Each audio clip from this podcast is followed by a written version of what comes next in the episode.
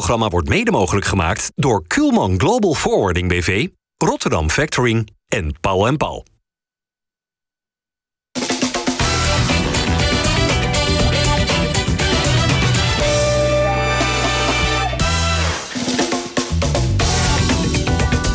Goedendag dames en heren, hartelijk welkom. Op deze vrijdag zijn wij hier met de FC Rijnmond. We hebben echt een prachtige tafel. Kijk eens, daar zit hij. John Metgold is hier. Welkom John. Dank je. Uh, Dennis van Eersel en Harry van der Laan. Harry, uh, waar zullen we het vandaag eens over hebben? Ja, Excelsior hebben een interessante pot. Ik vind Cambuur uit bij Sparta, oude, oude club van mij, Cambuur. Vind ik leuk, maar we hebben ook nog een aardig potje zondagmiddag om half drie. Heb je daar nou zin in? Sorry? Heb je er nou zin in? In zo'n wedstrijd? Heb ik er zin in? Ja, ik hoop dat de spelers er zin in hebben. Maar ik vind het natuurlijk altijd... Dat is een van de leuke wedstrijden van het jaar natuurlijk. Hè. De grote... maar je bent inmiddels... Ik bedoel, je bent niet alleen oud-speler van Feyenoord... maar je, je, bent volgens mij ook echt wel supporter geworden. Een fan, een fan. Nee. Nee, maar ben, ben je dan zenuwachtig? Ik, ik, ik, kan best wel eens gespannen zijn bij, voor een wedstrijd. Ja, nee, is heel gek. Maar dat heb ik uh, bij Nederland zelf al wel eens als het een hele mooie grote wedstrijd is. En dit, dit is een, altijd een hele bijzondere. John heeft er meerdere gespeeld, ik slechts één. Samen ook, hè? Ja, gedeeltelijk. Uh, nou ja, 1990, was, ja, was een, koude decemberdag. Ja, het was inderdaad een hele slechte koude decemberdag. Want, uh, en, en ik weet nog goed, Bengtson die had een, een brainwave. De trainer? De trainer, toen de tijd door John als spits op te stellen. Zei hij, de, de achterliggende gedachte was volgens mij dat ze niet zo kopsterk waren daar. Wij hadden, wij hadden, voorin blijkbaar ook geen kopsterke mensen. En hij, John, uh, op een hele koude decemberdag stond in de spits. Met de rust stonden we drie 0 achter. Samen met Piet Keur? Met Piet Keur. Oh, gingen met twee spitsen spelen. Ja, twee Maar in ieder geval, uh, dat was een, een, to een, totale mislukking. Werd dat. En, en, we hadden wel meer mislukkingen in dat eerste half jaar, moet ik zeggen. En later, onder Wim Jans, is het uh, gelukkig toen het een stuk beter gegaan. En heeft het elfde nog de KVB-beker gewonnen. En was dat de ja. opzet naar het kampioenschap van 93, denk ik zelfs. Wat was dat die klassieke John dat jij met keepershandschoenen voetbalde? 1990, die, die 0-4.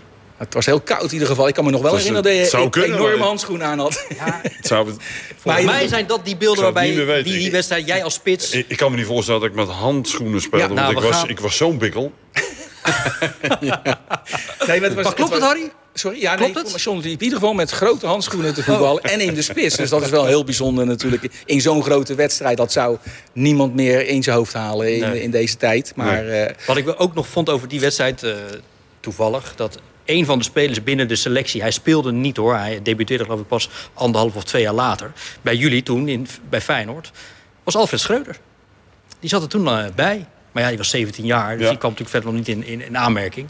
En nou is hij de trainer van de, de tegenstander. Daar gaan we het natuurlijk uitgebreid over hebben in deze uitzending. Misschien wel helemaal, we zien allemaal wel hoe het loopt. Is even over jou.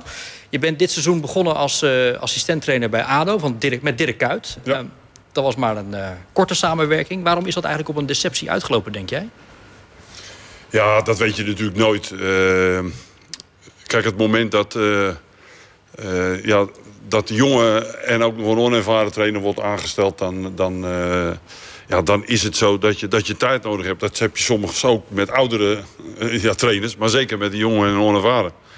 En uh, dan is natuurlijk ook iets wat niet meehielp... is het feit dat ze natuurlijk ADO het vorig jaar op het laatste moment net niet heeft gered. En dan is denk ik toch het verwachtingspatroon ongelooflijk hoog. Want ja, we waren er vorig seizoen zo dichtbij. Nou, dat is maar een klein stapje om ja. het nu wel te halen. Ja, Vrijheid schoot er 35 in of 37 in uh, ja, vorig seizoen. Uh, dat is natuurlijk ook niet elk seizoen te herhalen. Nee. Dus ik denk dat, dat het verwachtingspatroon... wat eigenlijk daardoor werd gecreëerd... Ja, dat dat niet meer reëel was. En wat doet dit nu met de trainingscarrière, denk jij, van Dirk Kuyt? Nou, ik hoop dat hij, dat hij nog een tweede kans krijgt ergens. Want die bedoel, potentie heeft hij. Je, ja, is het een goede moet, trainer? Is, laat ik die vraag ja, maar zo moet, stellen. Precies, je moet, je moet wel leren van, van zeg maar de fouten die je, die je maakt. En uh, ja, dat kan je alleen maar doen als je nog een tweede kans krijgt. Ja, natuurlijk. Het, is, het, is, het is natuurlijk een valse start, hè, noem je dat. Maar er zijn een paar clubs in Nederland waar dat vaker gebeurt dan bij een andere. NAC is er één van. Ja. En ADO hoort daar ook bij in dat rijtje van moeilijke clubs. Het, als het loopt is het fantastisch, maar als het niet loopt is het een hele vervelende club kan het dan zijn. Ja. Met de supporters, maar ook met de, al die kolonnes die eromheen ja. zitten. Dus wat dat betreft, ik ken de club natuurlijk uh, best wel aardig. En dat was in mijn tijd al en dat is eigenlijk nooit veranderd. Je bent topscorer aller tijden toch van ADO? Ja. Dat, uh... Maar je bent er dus nu assistent van uh, Dick Advocaat. Lijkt je daarmee eigenlijk een beetje op Corpot? Nee, qua uiterlijk zeker niet. je vindt jezelf knapper? Uh, nee, oh. nee, nee, nee, nee. Nee, daar moet ik reëel in zijn. nee, daar moet ik niet eerlijk zijn. En, en Cor is ook nog ouder ook. Maar, Oh. ehm, Hoe bevalt Nee, dat maar- met Dick? ja, nou ja, kijk, het is natuurlijk een totaal andere trainer. Eh, hè, ik bedoel, hij stapt er eigenlijk in... eh, zeg maar onder het mom van tot het einde van het seizoen. En we gaan kijken waar we, waar we gaan, eh, gaan stranden. Maar de bedoeling is en blijft wel om te gaan voor promotie. Eh, puur gericht op het resultaat. Ja. En ik denk dat, eh, ja, dat Dick Advocaat eh, ja, wel heeft bewezen in het verleden... dat dat juist hetgene is waar, waar, waar hij erg sterk in is. Ja, en ik zat een beetje naar het programma te kijken. Hier krijg je natuurlijk, nou, de onderste is dat geloof ik, hè, Utrecht Ja. 2. En dan heb je toch wel een aardige start. Hè, een gelijkspel, twee overwinningen. En ik zag het gat met nummer 8. Nee, dat valt dat, valt, dat is te overzien. Dus Maar dat- je wordt geen kampioen, weken- maar je kan nog wel die nacompetitie maar we hebben over een paar weken wel bijvoorbeeld Pek Zwolle. eh, dan Ja, hebben we ook natuurlijk. Heracles. Nee, nee, nee. eh, maar ondertussen kan je dus- wel een beetje aan het vertrouwen Ja, werken. precies. En aan het elftal. En je spits is weer fit. Precies, en en, dat is de wel- eerste keer nu is zeg maar drie wedstrijden achter elkaar in één week gewonnen. Voor de eerste keer in het seizoen. Dus ja, Dus dat, nee, geeft de burger ja. ook weer moed. Oh ja, ook voor de selectie geeft Precies, dat geeft ook meer vertrouwen. Ja, klopt. We gaan het een andere keer nog eens over hebben. Want we hebben hier nou met name John uitgenodigd natuurlijk om over Feyenoord te praten. Over eh, de klassieke. Ik begin even, als het gaat om die klassieke bij Dennis. Ja, misschien wat ongepast, maar ja, jij komt net eh, van eh, de persconferentie eh, vandaan. Eerst eventjes de meest makkelijke vraag die een presentator kan stellen. En toch betalen ze me ervoor. Wat is het laatste nieuws? En die is een beetje ook. Eh, nou, nieuws dient het wel. Ja, nieuws. Krijg het niet. Uh, Diel ontbrak vorige week eh, bij de selectie. Die is er nu gewoon weer bij. Simanski heeft niet alles kunnen trainen, maar vandaag wel weer de training ervat. Die is vooral heel erg belangrijk. Hè? Dus eh, die gaat waarschijnlijk gewoon starten. Eh, Timber traint weer. Ik verwacht hem nog niet bij de selectie eigenlijk eh, zondag. Maar dat gaat dus wel eh, Dat beter dan, dan gedacht, in eerste hè? instantie eh, Ja. de vrees er, er was. Dus wat dat betreft staat Feyenoord er goed op. En mist het eigenlijk alleen uh, Trouwner natuurlijk. Ja, nou ja, dan noem je er wel eventjes één. Hoewel, het lijkt op dit moment redelijk uh, opgelost. We weten natuurlijk allemaal, dit is een geladen sfeer in het Rotterdamse... wat er allemaal op deze klassieker afkomt. Bijvoorbeeld de netten, Dennis. Hè, het hele stadion rond met netten. Ja. Wat gaat de televisiekijker daar nou allemaal van merken uh, zondag?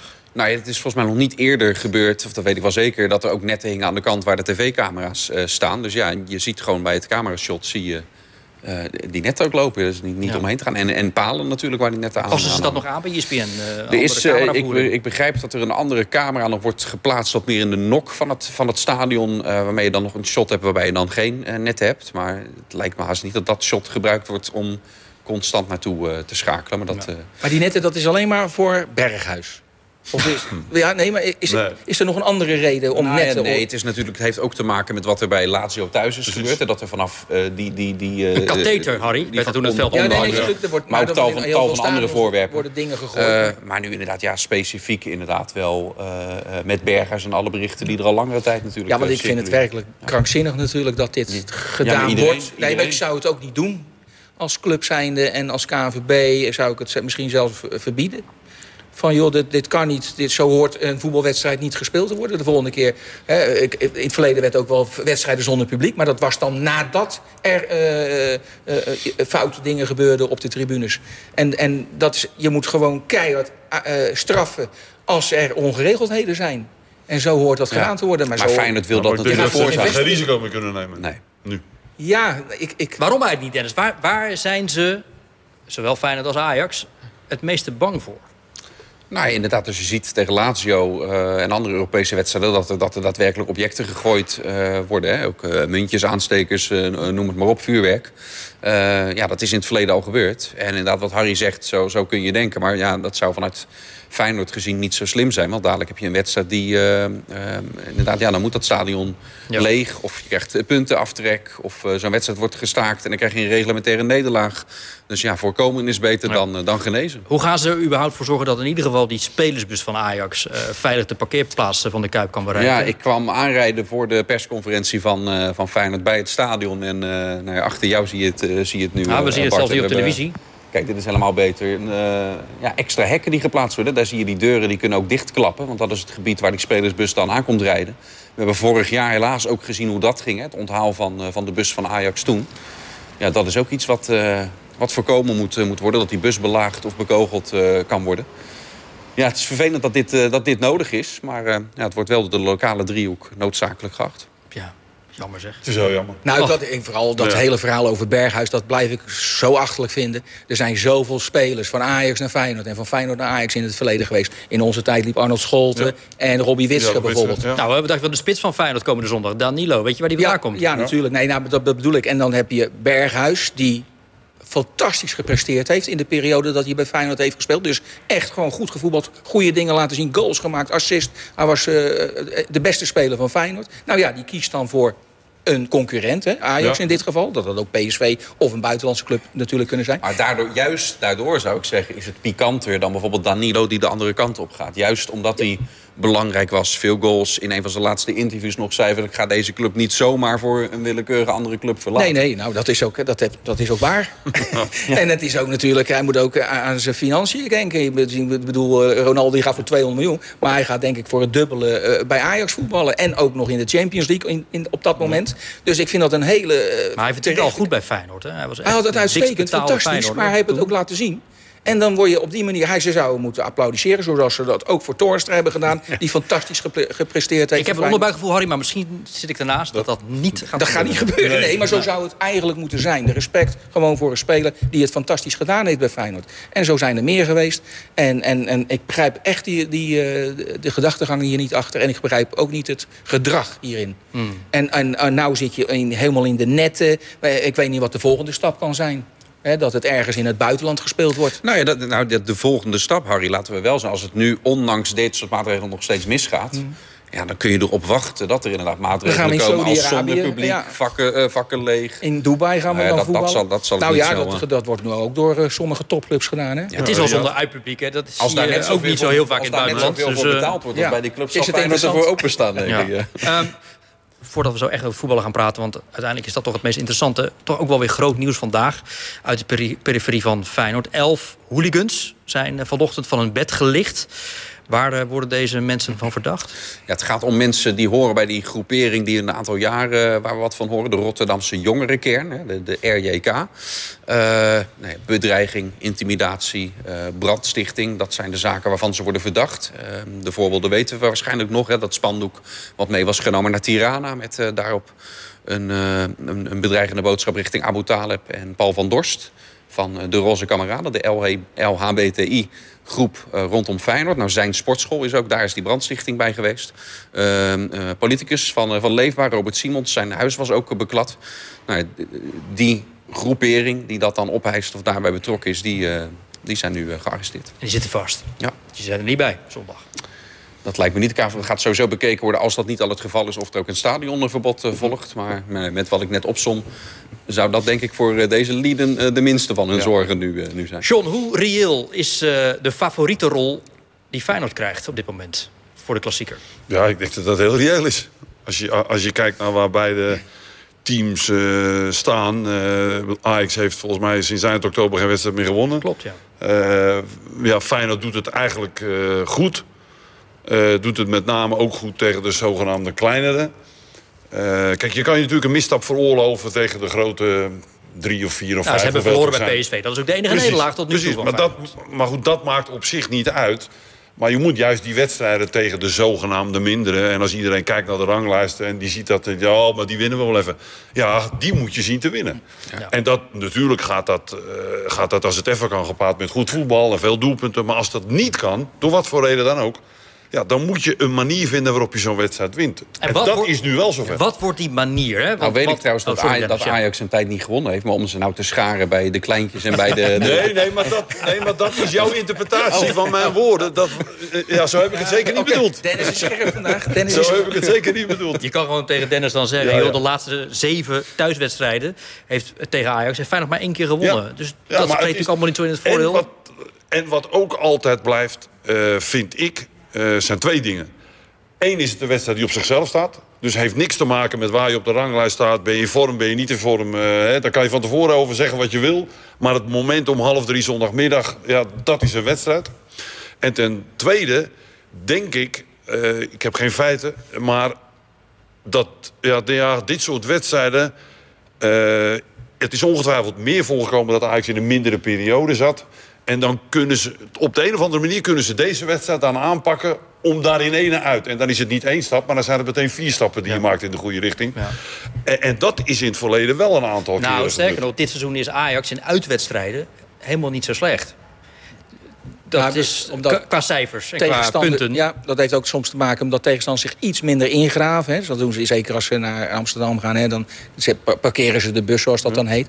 Maar dat is in thuiswedstrijden heb je toch de neiging om wat meer initiatief te nemen. En daar kunnen ze bij Ajax natuurlijk met hun technische kwaliteiten die ze hebben... wat meer eh, resultaten Maar die favoriete rol, Harry, van Feyenoord nu. Ja, dat Die spelers van dit moment, die nu in de selectie zitten... daar zit er geen één bij die al eens een klassieker heeft gewonnen. Nou, dat, dat kunnen, is- ze die, kunnen ze deze druk aan, denk jij? Dat, ja, dat is echt eh, koffiedik kijken. Dat is natuurlijk afwachten, want het zijn wel hele rare omstandigheden. Hè. We hebben het net over een stadion wat helemaal ingepakt moet worden. Eh, er is een, eh, een enorm... De media is er nog meer mee bezig dan ik ooit heb gezien. Maar dat heeft vooral met de randzaken te maken. Maar op het veld denk ik dat het niet zoveel invloed gaat hebben bij Ajax...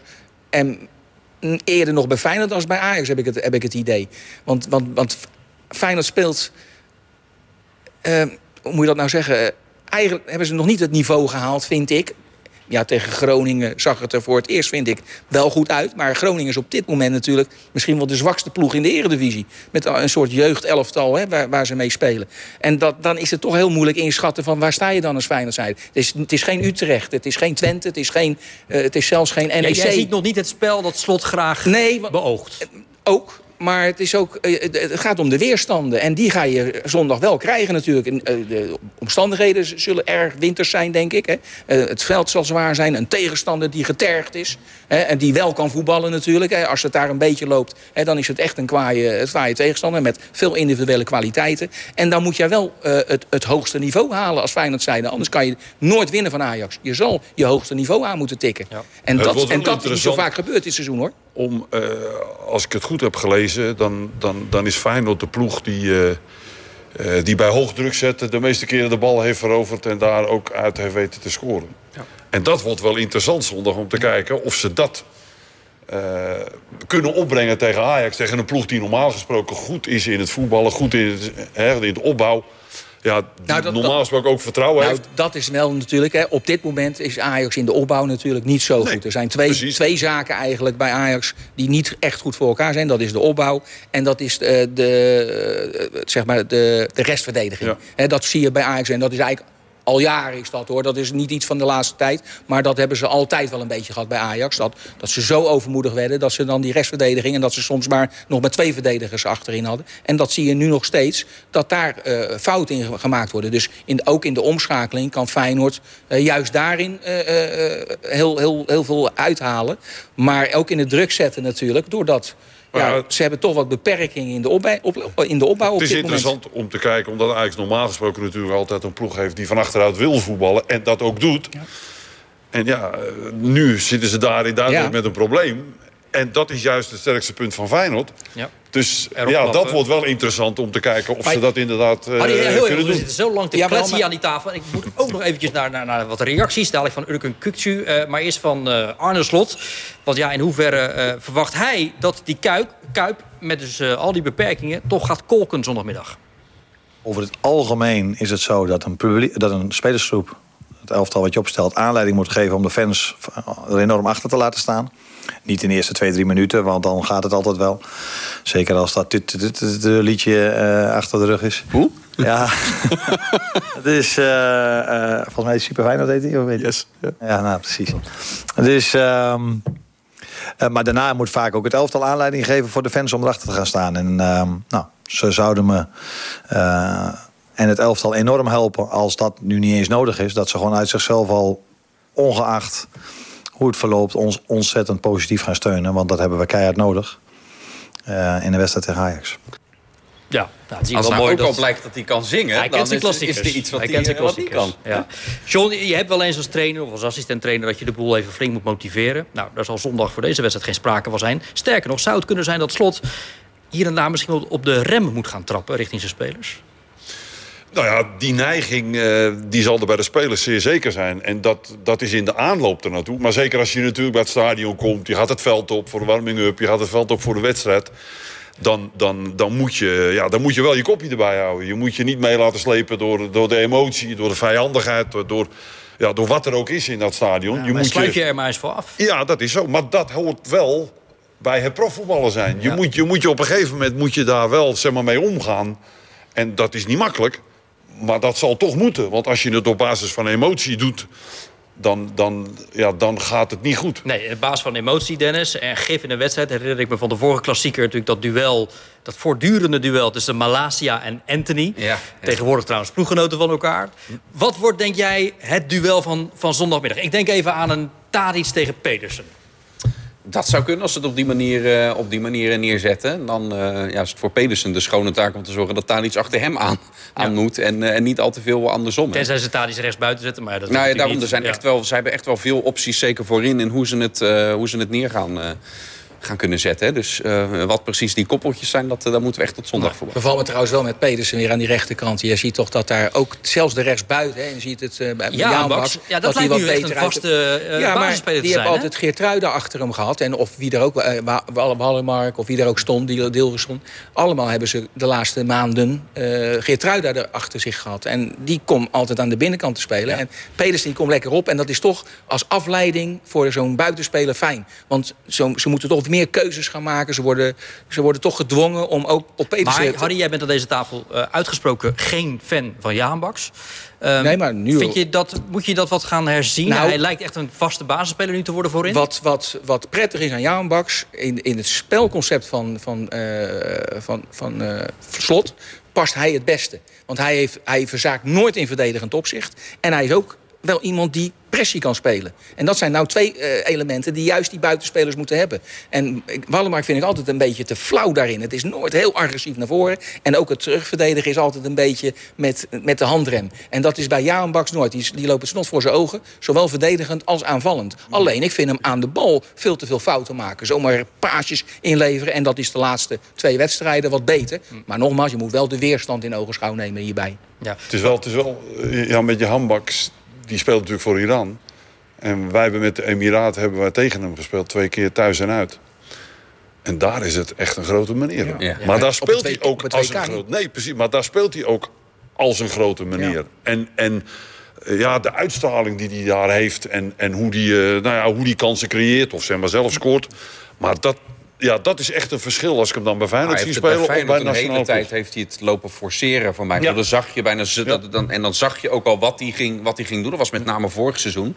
Daar lijkt hij nu ook wel door, eh, doorheen te zijn. Jawel, maar forceren. Ik zie in zijn passing gewoon veel te veel fouten. En, en weet je wel, hij levert zomaar een balletje over 10 meter zo. Nou, het schiet hij zo naar de tegenstander. Of voorzetten. Hij had nou weer een voorzet tegen Groningen of Zwolle, weet ik niet meer. Die, die eindigde op de lat. Een hele vrije bal, hè? En die vloog er bijna in. Hij maakte niet zo lang geleden op die manier ook een goal. Mensen beweerden dat hij het zag, maar dat was ook gewoon een, verkeerd, een, verkeerd ja. Hij blijft er bijna dat het een Russie was. ik- als je achter de goal, de kamer achter de goal, zie je hem gewoon. Hij heeft nooit gekeken waar de keeper zat. Maar dat maakt verder niet uit. Het, eh, het gaat erom, dat soort dingen heeft hij heel vaak. Gewoon vrije ballen die hij zo inlevert. Maar, hij, eh, dat hetzelfde geldt trouwens een beetje voor Kukcu natuurlijk. Die heel veel risico in zijn spel legt. Maar heel veel fantastische paas heeft. Maar ook af en toe denk je, hoe, hoe, hoe, komt, hoe kan het dat hij die bal zo verspeelt op het middenveld? simpel. Ik denk dan even terug in jouw tijd, onze tijd... dat op het middenveld mocht je nooit een bal zomaar verspelen. Dat was echt de- nou, de doodstraf. eh, Dat, dat, dat, De doodstraf was mild dan. nou ja, dat, Ja. dat mocht gewoon. Je mocht op het middenveld, dan kwam je als verdediger natuurlijk altijd in de problemen. En ik zie nou, het lijkt wel een, een, een tendens de laatste jaren... maar op, overal zie je middenvelders zomaar ballen verspelen. Toch hè, is er bij Urken Kukcu eh, ja, eh, flink wat vertrouwen. Sterker nog, dat vertrouwen is torenhoog. Ja, ik denk dat wij eh, dat de spelersgroep ook eh, een beetje hebben afgedongen, denk ik. Eh, afgelopen anderhalf jaar hebben we wel laten zien dat we op iets nieuws zijn overgegaan, zeg maar. Dat we ja, eigenlijk, we ook eh, Rotterdam Awards en daar gaf ik het ook aan dat we eigenlijk Rotterdammers weer een beetje een trots gevoel gaven. Dat dat eh, ook vooral ons als spelersgroep veel doet. Dat we, eh, ja, dat we eigenlijk mensen van ons, van de club, eh, blij kunnen maken. Dat geeft wel een goed gevoel. Ja, het verschil is vijf punten nu. Tussen Feyenoord en Ajax en PSV. Kan dus acht worden. Natuurlijk eigenlijk een bizar uitgangspunt. Zou het ook zo kunnen zijn hè, dat... dat we hadden het net over de druk van Feyenoord die er natuurlijk op ligt. Maar bij Ajax kan het wel eens zo zijn dat als ze verliezen... dat de ja, trainer eruit ligt. Nou ja, niet eens de trainer eruit ligt. Ik denk dat het veel belangrijk is voor die spelers. En als club zijn waar je staat. Want ik bedoel, vijf punten. eh, en dan zo'n wedstrijd. Dan, dan, ja, dan loop je het risico dat je, dat je acht punten achter. En dan kan iedereen zeggen, ja, goed, hè, want dan hebben ze pas 17 wedstrijden gespeeld. Maar goed, acht punten, 17 wedstrijden. Ja. Ja, dat is behoorlijk wat. En dan ga je er nog maar vanuit dat Ajax zeg maar, in de komende tijd ook nog veel beter gaat spelen. Want dat is ook natuurlijk geen zekerheid. Nee, behalve dan dat ze nog wel een tasje met geld hebben, zo hier en daar. Om Jawel. misschien nog de komende tien Jawel, dagen zich aan ook te die, moet je, ja, maar ook die moet je kopen en die moeten er meteen staan. Want die Ja. hebben geen tijd eh, voor twee maanden om even rustig te wennen. Want die moeten er meteen staan. Dus, dus dat is ja, de druk die bij Ajax op dit moment is. Dat is ook een druk die ze denk ik de afgelopen jaren zeker niet tegen Feyenoord hebben gevoeld. Nee. Het is ook natuurlijk een voordeel voor Feyenoord... dat ook als ze verliezen nog steeds gewoon koploper zijn. En wat er ook gebeurt, wat de andere ploegen ook doen... of het nou AZ is, PSV, maakt allemaal niet uit. Als jij verliest, ben je gewoon op de helft van de competitie koploper.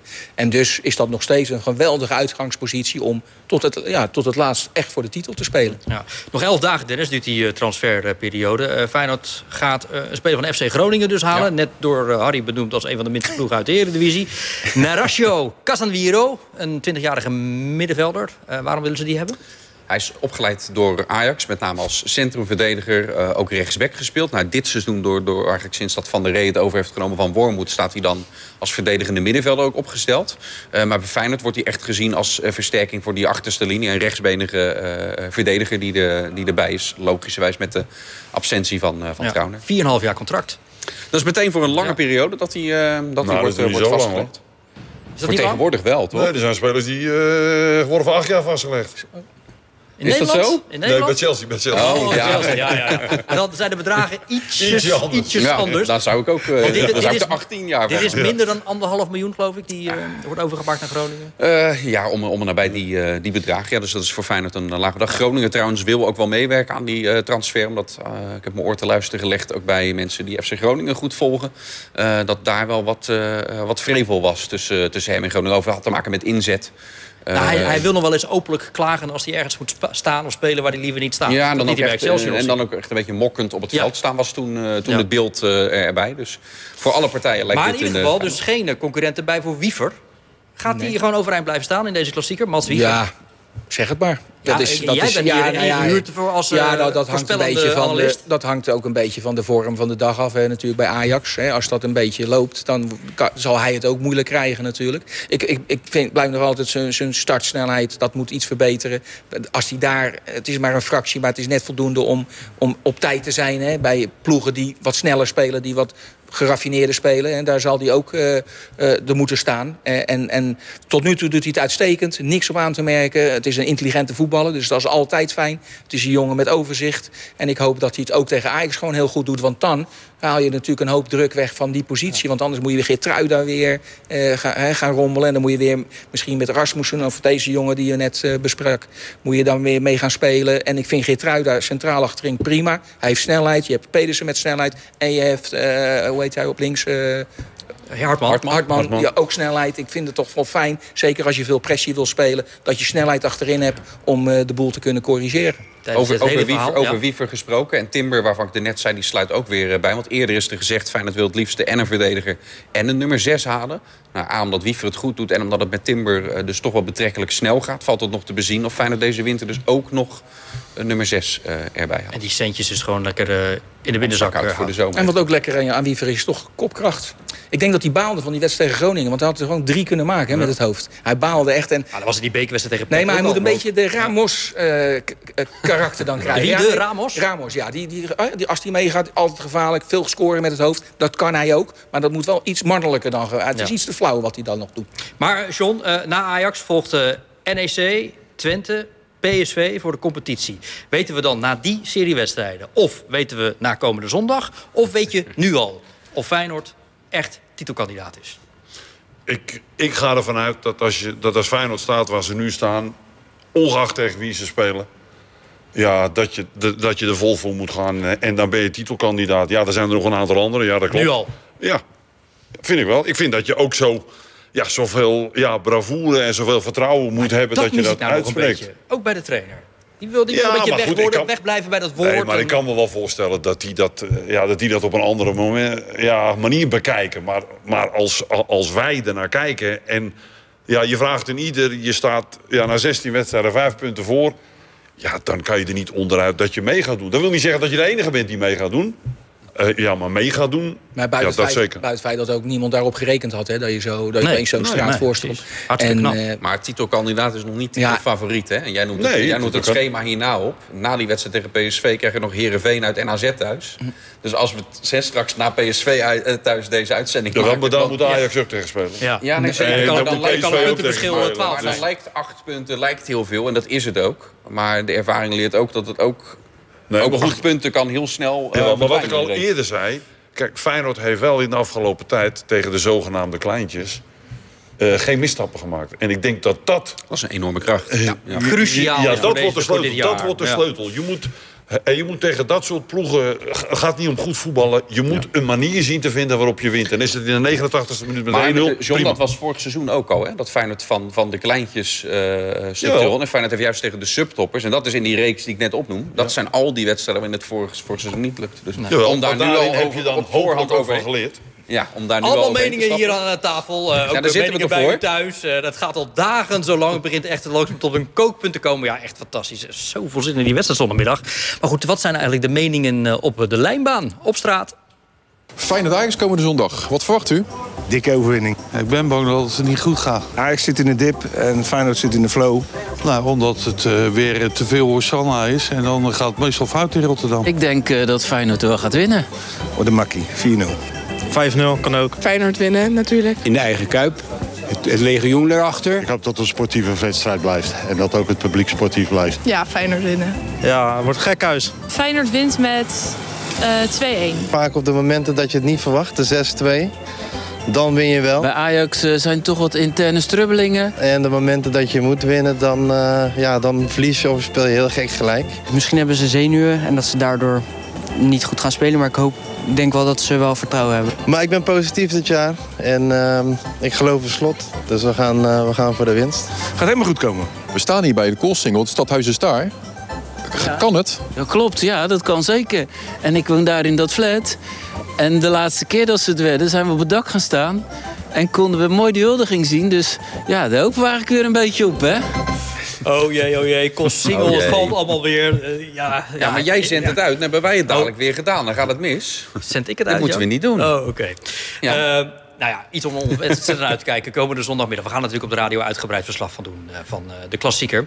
Maar we kunnen de aandacht voor de Rotterdamse clubs dit weekend mooi verdelen. Vanavond op Woudenstein. Excelsior tegen FC Volendam. Een belangrijke. En Sparta morgen naar Cambuur. Mag je gezien gewoon ja, op dit moment, Harry, de vorm van Sparta en de vorm van Cambuur zeggen... dat moet voor Sparta te doen zijn. Het zou- kan een geweldig weekend voor Rotterdam worden. Ik denk dat er gewoon drie overwinningen... dat zou eh, echt fantastisch zijn natuurlijk voor Excelsior... om dan een beetje lucht te krijgen ten opzichte van die onderste plekken.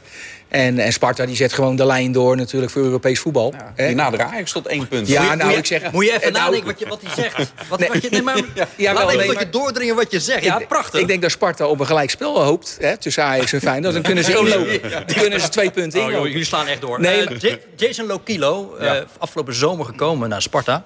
Maar alweer weg. Ja, gaat op huurbasis naar Istanbul spoor. Geen, eh, geen optie tot koop erbij bij die, eh, bij die Turkse club. Maar hij leek aanvankelijk eh, eh, een goede start te hebben. bij Herenveen uit. Jouw lievelingswedstrijd van dit seizoen, Heerenveen-Sparta, die 0-0. Oh. Speelronde, nee, ja, precies die, ja. Dat was vreselijk. Maar ik toen- toen-. Als de één man toen nog wat dreiging had, toen was hij het. Nou, was de eerste speelronde. Dan denk ik, nou, dat, dat, dat kan leuk worden. Maar daarna eigenlijk niet echt meer, meer gezien. Dus eh, nu dit.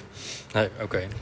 Ontzettend knap wat er bij Sparta gebeurt. Ja, dat moet jij natuurlijk ook Ja. vanuit jouw eh, Rotterdamse Maar wij hebben er een paar keer tegen gespeeld. Geoefend ook. Ja, geoefend. Ja. En dan valt gewoon op dat het, eh, dat het een geoliede machine is. Dat ze precies weten wat ze moeten doen.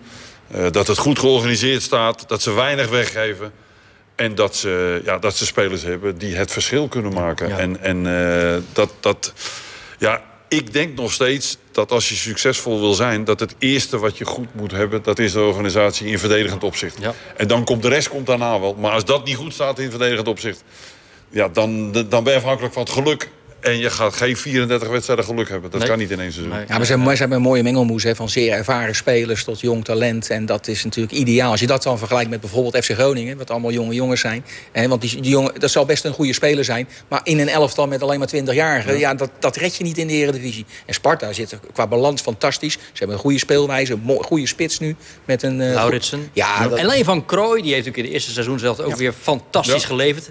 Tot nu toe Wat minder. Nog even wat minder. Je zou willen dat hij weer Maar de daarom Krooi wordt van nee, de eerste zo sterk is de ploeg nu op dit moment dat dat overgenomen wordt door andere mensen dan weer. En dat dat niet echt opvallend wordt dat hij te weinig tot scoren komt op dit moment. En die komt heus wel weer terug in zijn vorm of in de wedstrijden waarin hij eh, belangrijk kan zijn. FC Volendam komt eh, vanavond naar eh, Kralingen. Volendam won de afgelopen twee wedstrijden. Dat is op zichzelf knap. Dus we zijn heel benieuwd wat Excelsior daar vanavond tegenover brengt. Maar ja, dan moet er wel denk ik iemand een doelpunt gaan maken bij Ja. Excelsior. Zou ook wel lekker zijn. Ja, dit is niet eens een vraag, Harry, want ik moet alweer gaan afronden. Oh. De tijd is voorbij gevlogen. John Mettel, wel bedankt. Graag gedaan. Kom gauw weer eens terug. Het bevalt mij zeer. Dennis van Eersel en eh, Harry van der Laan. Ja, John was de aanvoerder van het kampioenselftal. 93 van Feyenoord. En laat nou komende maandag we weer een gast hebben natuurlijk hier aan tafel. Dat was de aanvoerder van Feyenoord uit het kampioensjaar van 1999. Jean-Paul van Gastel zit dan hier. Met hem eh, bespreken we de klassieker die we dus zondag op de radio zullen verslaan. Vanavond Excelsior tegen Volendam. En eh, zaterdagavond de uitwedstrijd van Sparta bij Cambuur. Mede namens John, Dennis en Harry. Bedankt voor het kijken en een goed weekend. Dag.